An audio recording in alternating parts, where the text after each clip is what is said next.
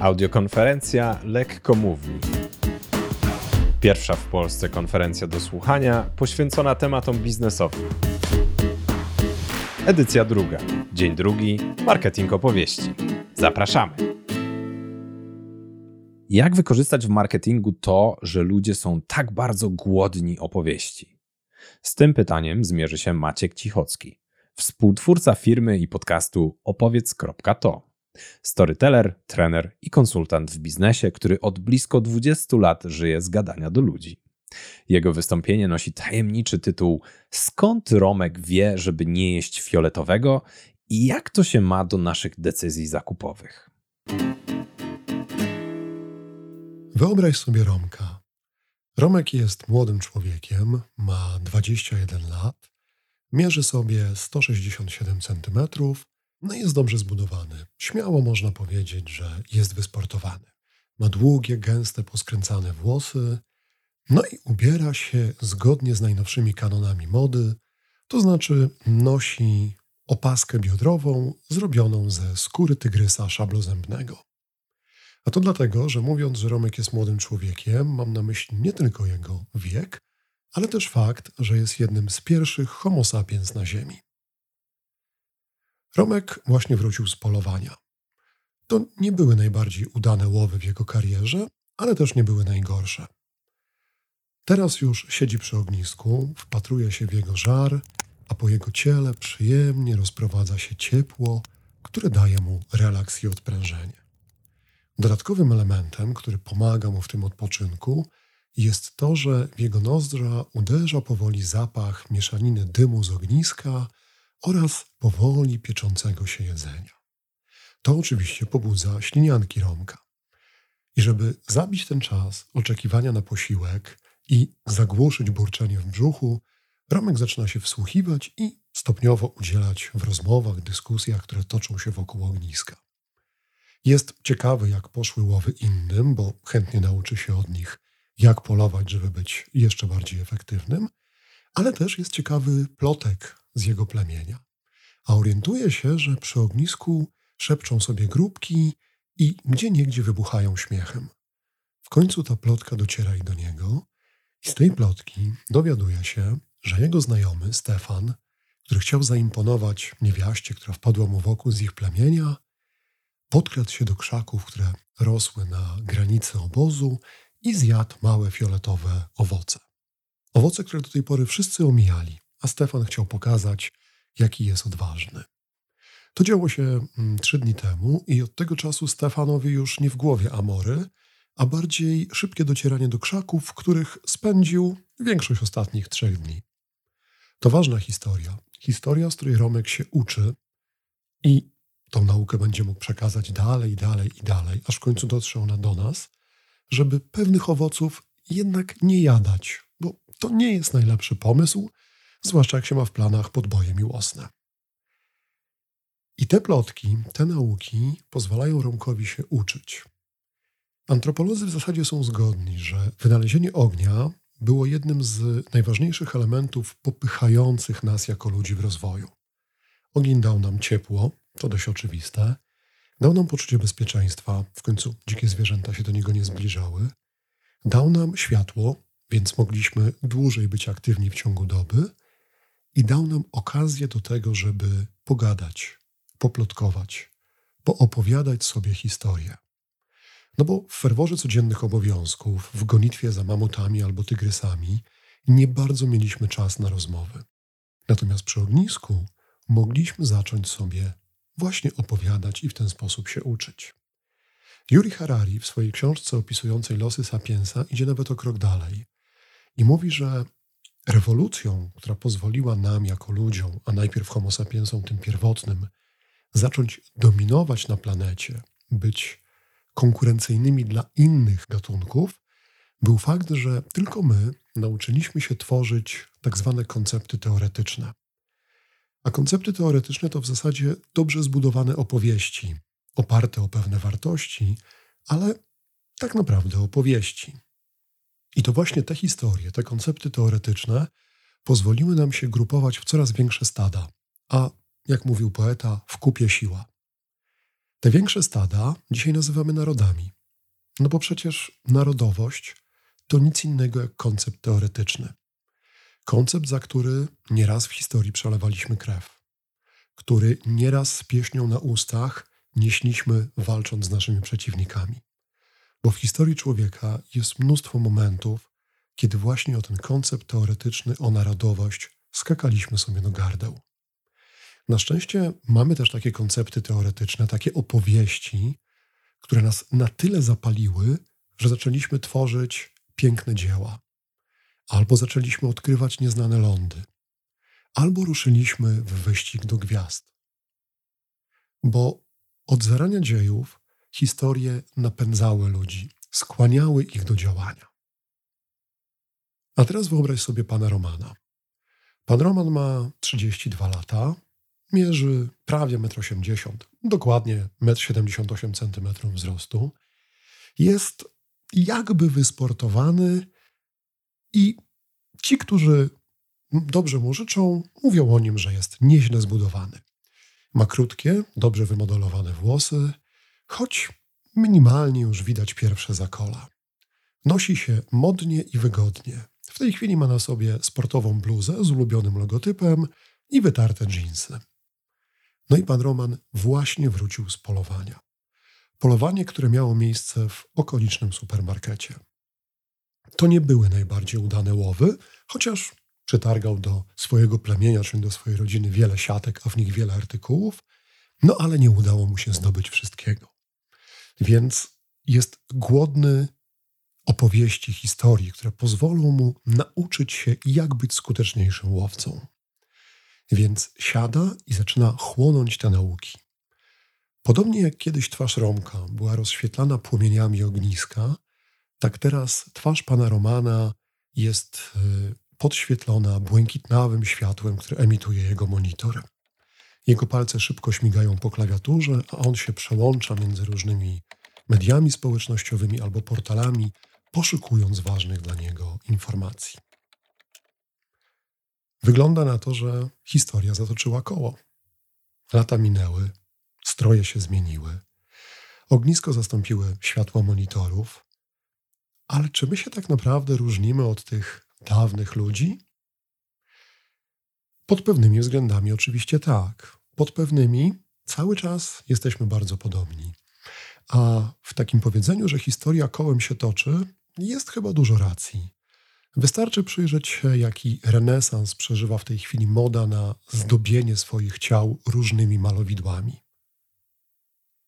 Jest tak dlatego, że w każdym z nas tkwi ten pradawny Romek.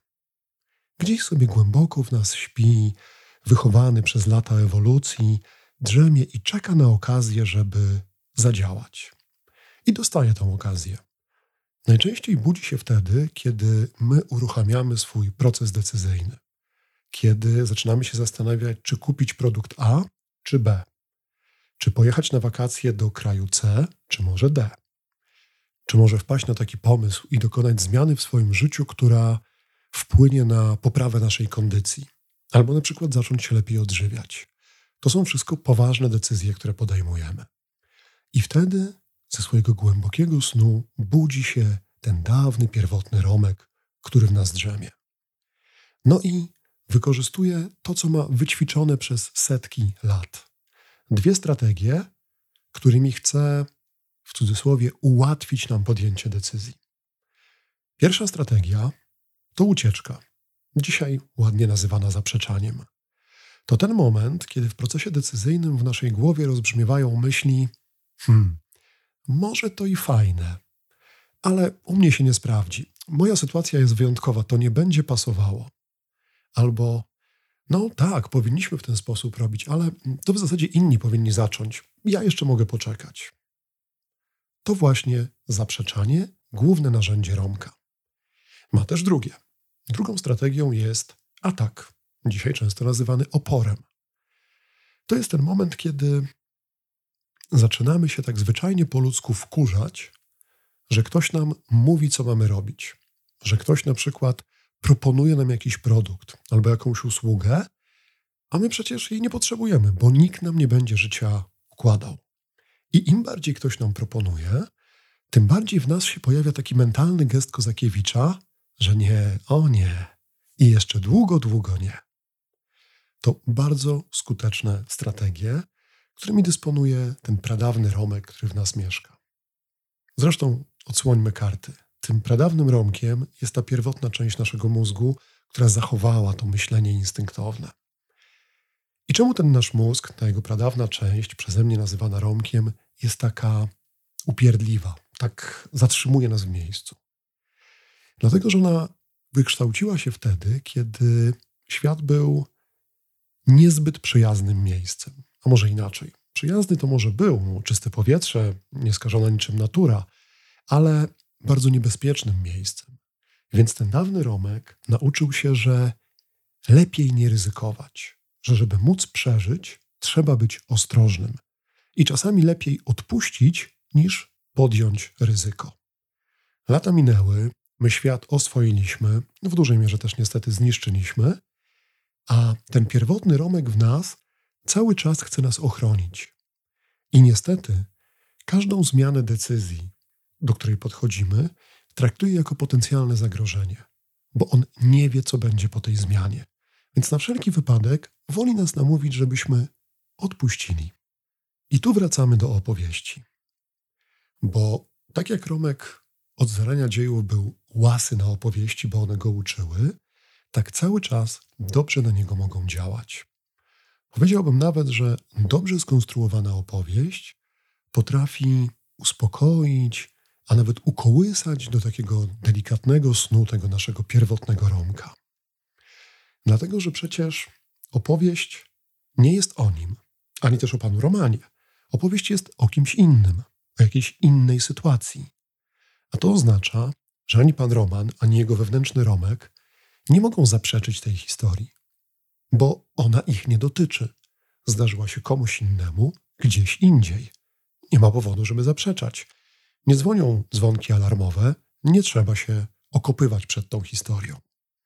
Co za tym idzie, jeżeli historia nie dotyczy mnie i jest opowieścią o tym, że ktoś skorzystał z jakiejś usługi, ktoś ucieszył się z zakupu jakiegoś produktu, to przecież nikt mnie nie namawia, żebym ja to kupił. Więc nikt mi nie mówi, jak ja mam żyć. Czyli nie muszę się buntować. I dzięki temu dochodzimy do bardzo ciekawego momentu, bo historie różnią się tym od całej gamy komunikatów perswazyjnych, że nic nie nakazują, ale zasiewają ziarno. Ja to nazywam, że historie zabzyczają nas. Co to oznacza? Pewnie znasz taki moment, kiedy po ciężkim, męczącym dniu układasz się do snu. Przykrywasz się kołdrą, wygodnie mościsz się w pościeli, głowa opada na poduszkę, mięśnie się rozluźniają, powieki opadają. Przychodzi pierwsza odprężająca fala snu. I w tym momencie, gdzieś pod sufitem, zaczyna bzyczeć mucha. Da się zasnąć? Nie wiem jak u ciebie, ale u mnie i u większości osób, którym zadaję to pytanie, nie da się zasnąć. Trzeba wstać i ruszyć na łowy.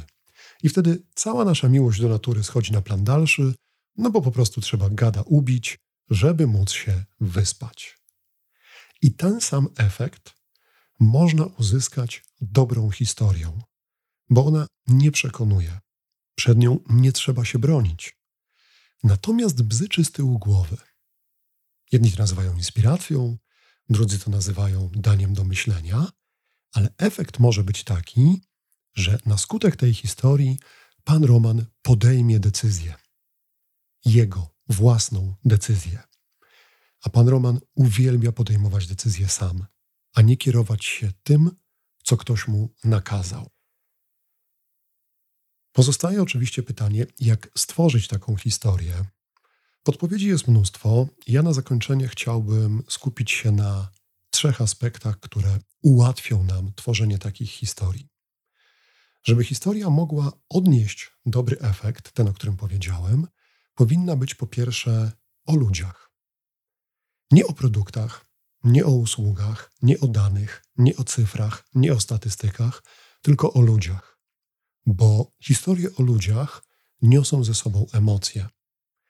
A my wbrew temu, że lubimy o sobie myśleć i mówić, że jesteśmy tacy racjonalni, dojrzali, świadomi, to tak naprawdę bardzo dużą ilość naszych decyzji podejmujemy pod wpływem emocji. Potem oczywiście je racjonalizujemy, ale podejmujemy emocjonalnie. A najłatwiej stworzyć historię, która niesie emocje, jak będziemy opowiadali o ludziach. Oczywiście, zaraz ktoś zauważy i będzie miał rację, że historia może być o rzeczach, byle one były spersonifikowane, czyli miały pewne cechy ludzkie, czyli właśnie budziły emocje. I to jest pierwszy krok. Mówmy o ludziach, czyli o ludzkich, bliskich nam emocjach. Po drugie, mówmy do ludzi. Profesor Brian Sturm, wykładowca storytellingu i folkloru na Uniwersytecie North Carolina, bardzo ładnie ilustruje proces storytellingu, czyli tego mówienia do ludzi, na przykładzie trzech zbiorów. Wyobraźcie sobie trzy zbiory, trzy kółka. Pierwszy zbiór to narrator, ten, kto opowiada historię. Drugi zbiór to odbiorca, czyli słuchacz. A trzeci zbiór, na razie malusieńki, ale będzie rósł, no to sama opowieść. W momencie, kiedy spotykają się dwie osoby, może się lubią, może za sobą nie przepadają, może nic ich nie łączy, to na plan wchodzą dwa zbiory. Jeżeli narrator zaczyna opowiadać historię, to pojawia się trzeci zbiór, który wraz z rozbudowywaniem tego wątku emocjonalnego zaczyna rosnąć. I w pewnym momencie ten zbiór, którym jest historia, wchłania w siebie zarówno narratora, jak i słuchacza.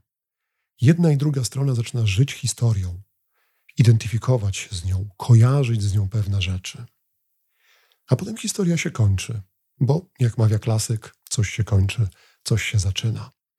Ale nie znika, tylko zostaje przyklejona i stanowi pewnego rodzaju więź między narratorem a odbiorcą, bo coś razem przeżyli, coś ich połączyło.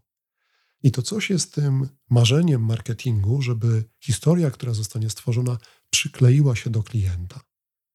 Więc jeśli pomyślimy o tym, żeby mówić do ludzi w taki sposób, żeby ich wciągnąć w naszą historię, żeby oni mogli się z nią zidentyfikować, żeby ona była, była o problemach, które są dla nich ważne, to tworzymy właśnie taki zbiór. I trzeci element to mówienie po ludzku, czyli prosto. Na poziomie słów to oznacza prosty język. Nie prostacki, ale prosty. Tutaj z pomocą przyjść może takie wyobrażenie, żebyśmy nasz komunikat sformułowali tak, jakbyśmy go kierowali do 13, 14, 15 latka. Dlatego, że pamiętajmy o klątwie wiedzy, że my najczęściej mówimy o rzeczach, na których świetnie się znamy, ale to nie znaczy, że znają się na nich nasi odbiorcy. Ułatwmy im zadanie, mówiąc prostym językiem. Dlaczego? No, umysł ludzki uwielbia przebywać w stanie łatwości poznawczej, więc dajmy mu tą łatwość, dobierając odpowiednio proste słowa. I umówmy po ludzku, czyli prosto, też na poziomie konstrukcji. Czasami, jak pada hasło storytelling, to w głowie się pojawia taka potrzeba stworzenia niesamowitej fabuły. Jeśli chcemy być braćmi Wachowskimi i stworzyć Matrixa, to super, warto iść w tą stronę. Ale na potrzeby komunikacji, marketingu, czasami lepsze są proste historie, takie po prostu z życia wzięte. Więc ile razy chcesz efektywnie komunikować się z odbiorcą, tyle razy miej z tyłu głowy proste zdanie. Nie mów, opowiedz to. O ludziach, do ludzi i po ludzku. Maćku, bardzo Ci dziękuję za to wystąpienie w imieniu wszystkich słuchających. A Was, drodzy słuchacze, zapraszam do zadawania Maćkowi pytań w dedykowanym poście na LinkedInie. Jeśli zainteresował Was temat przemówienia, zajrzyjcie na stronę Maćka opowiedz.to lub jego profil na LinkedIn. Jeśli potrzebujecie szkolenia lub konsultacji w temacie wystąpień publicznych, piszcie na kontakt lekkomowni.pl. A jeśli chcecie wyprodukować podcast i potrzebne Wam wsparcie, piszcie na kontakt cleverhearted.com. Subskrybujcie marketing opowieści w swojej ulubionej aplikacji podcastowej, żeby śledzić nasze działania po audiokonferencji. W podcaście znajdą się wywiady z różnymi osobami, które stosują marketing opowieści w swoich działaniach, więc warto, myślę, dowiedzieć się, czym będą chcieli się podzielić. Z kolei na stronie cleverhearted.com znajdziecie nasze webinary i informacje o tym, jak produkujemy podcasty dla naszych klientów. Wszystkie podane adresy e-mail i strony znajdziecie w opisie odcinka. Dziękujemy za wysłuchanie.